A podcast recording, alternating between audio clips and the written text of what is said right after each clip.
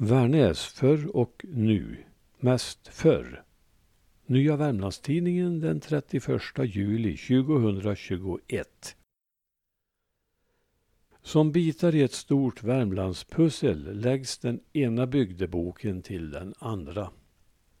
Norra delen av landskapet börjar få rätt god täckning efter de senaste årens utgivningar och nyaste tillskottet är boken Värnäs förr och nu som släpptes häromveckan.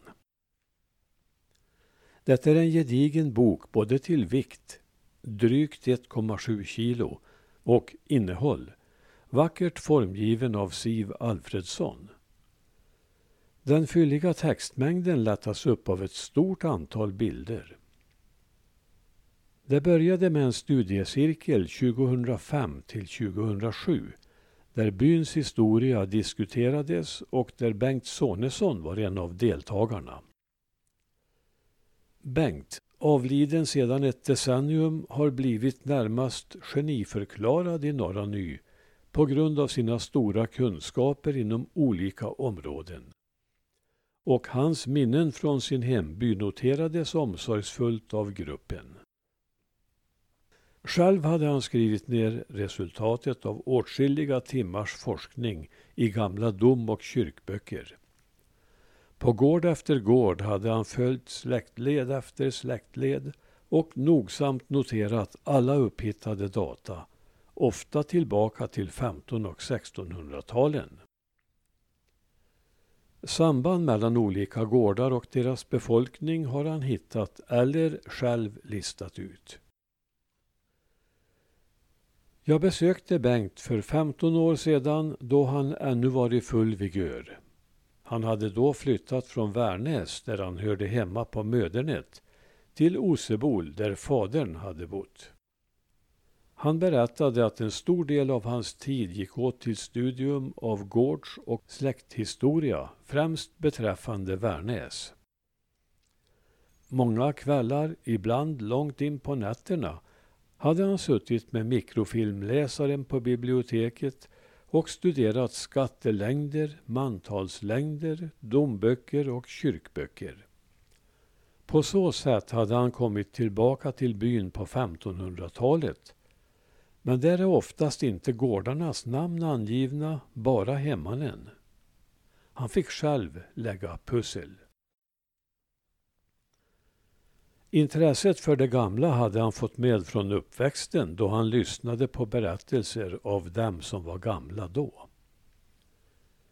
Att allt detta material måste tas om hand och bearbetas till eftervärldens fromma var man i studiegruppen på det klara med när Bengt nu inte längre fanns kvar att fråga. Att digitalisera och redigera materialet blev ett omfattande arbete. Själva stommen till boken och anledningen till dess tillkomst är alltså Bengts forskarmödor, men boken innehåller mycket mer än så. Flera goda skribenter har lämnat sina bidrag och ämnesområdet är brett. Sigvard Lundin står för mycket av det skrivna liksom Håkan Eles, Olle Lundin och Monica Haglund. Bertil Halvarsson har bidragit med foton och allmän kunskap om byn och har ingått i redaktionen tillsammans med det ovan nämnda. Av bokens 446 sidor åtgår nästan exakt hälften till beskrivning av gårdar och torp. Befintliga och även sådana som inte längre finns. Sådant som inträffat där Bengts beskrivningar slutade har författats av de övriga i gruppen. Till vart och ett av boställena redogörs för dess historia och för folket som varit bosatt där och deras födelse och dödsår.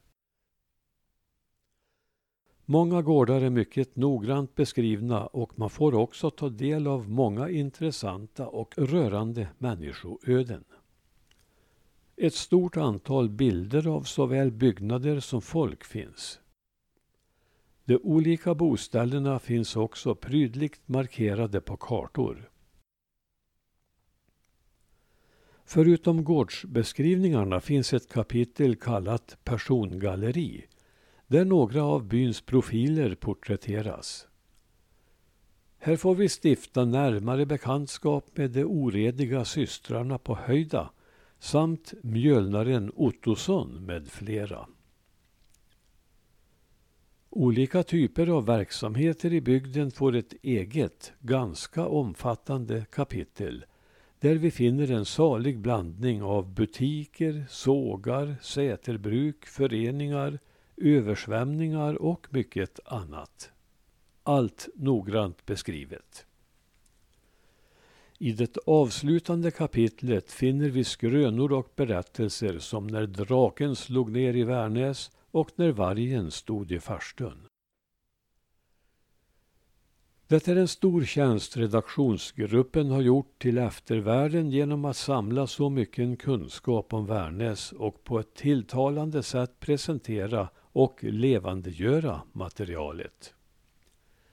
Det är bara att gratulera alla Värnäsbor och alla med minsta anknytning till byn.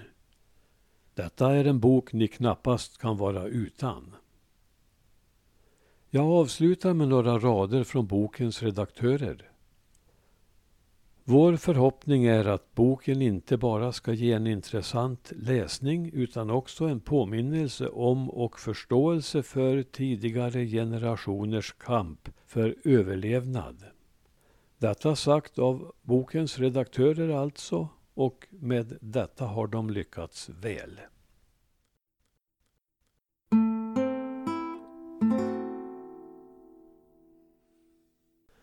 Och så en bildtext om Bengt Sonesson.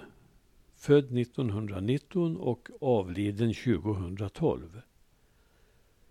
Bengt Sonesson var inte bara bonde och bygdeforskare. Också hans kunskap om naturen var stor. Han hade själv får och märkte tidigt att den bruna fårrasen som tidigare var vanlig i Värmland höll på att dö ut. Genom Bengts insatser lyckades det att få den gamla rasen att överleva.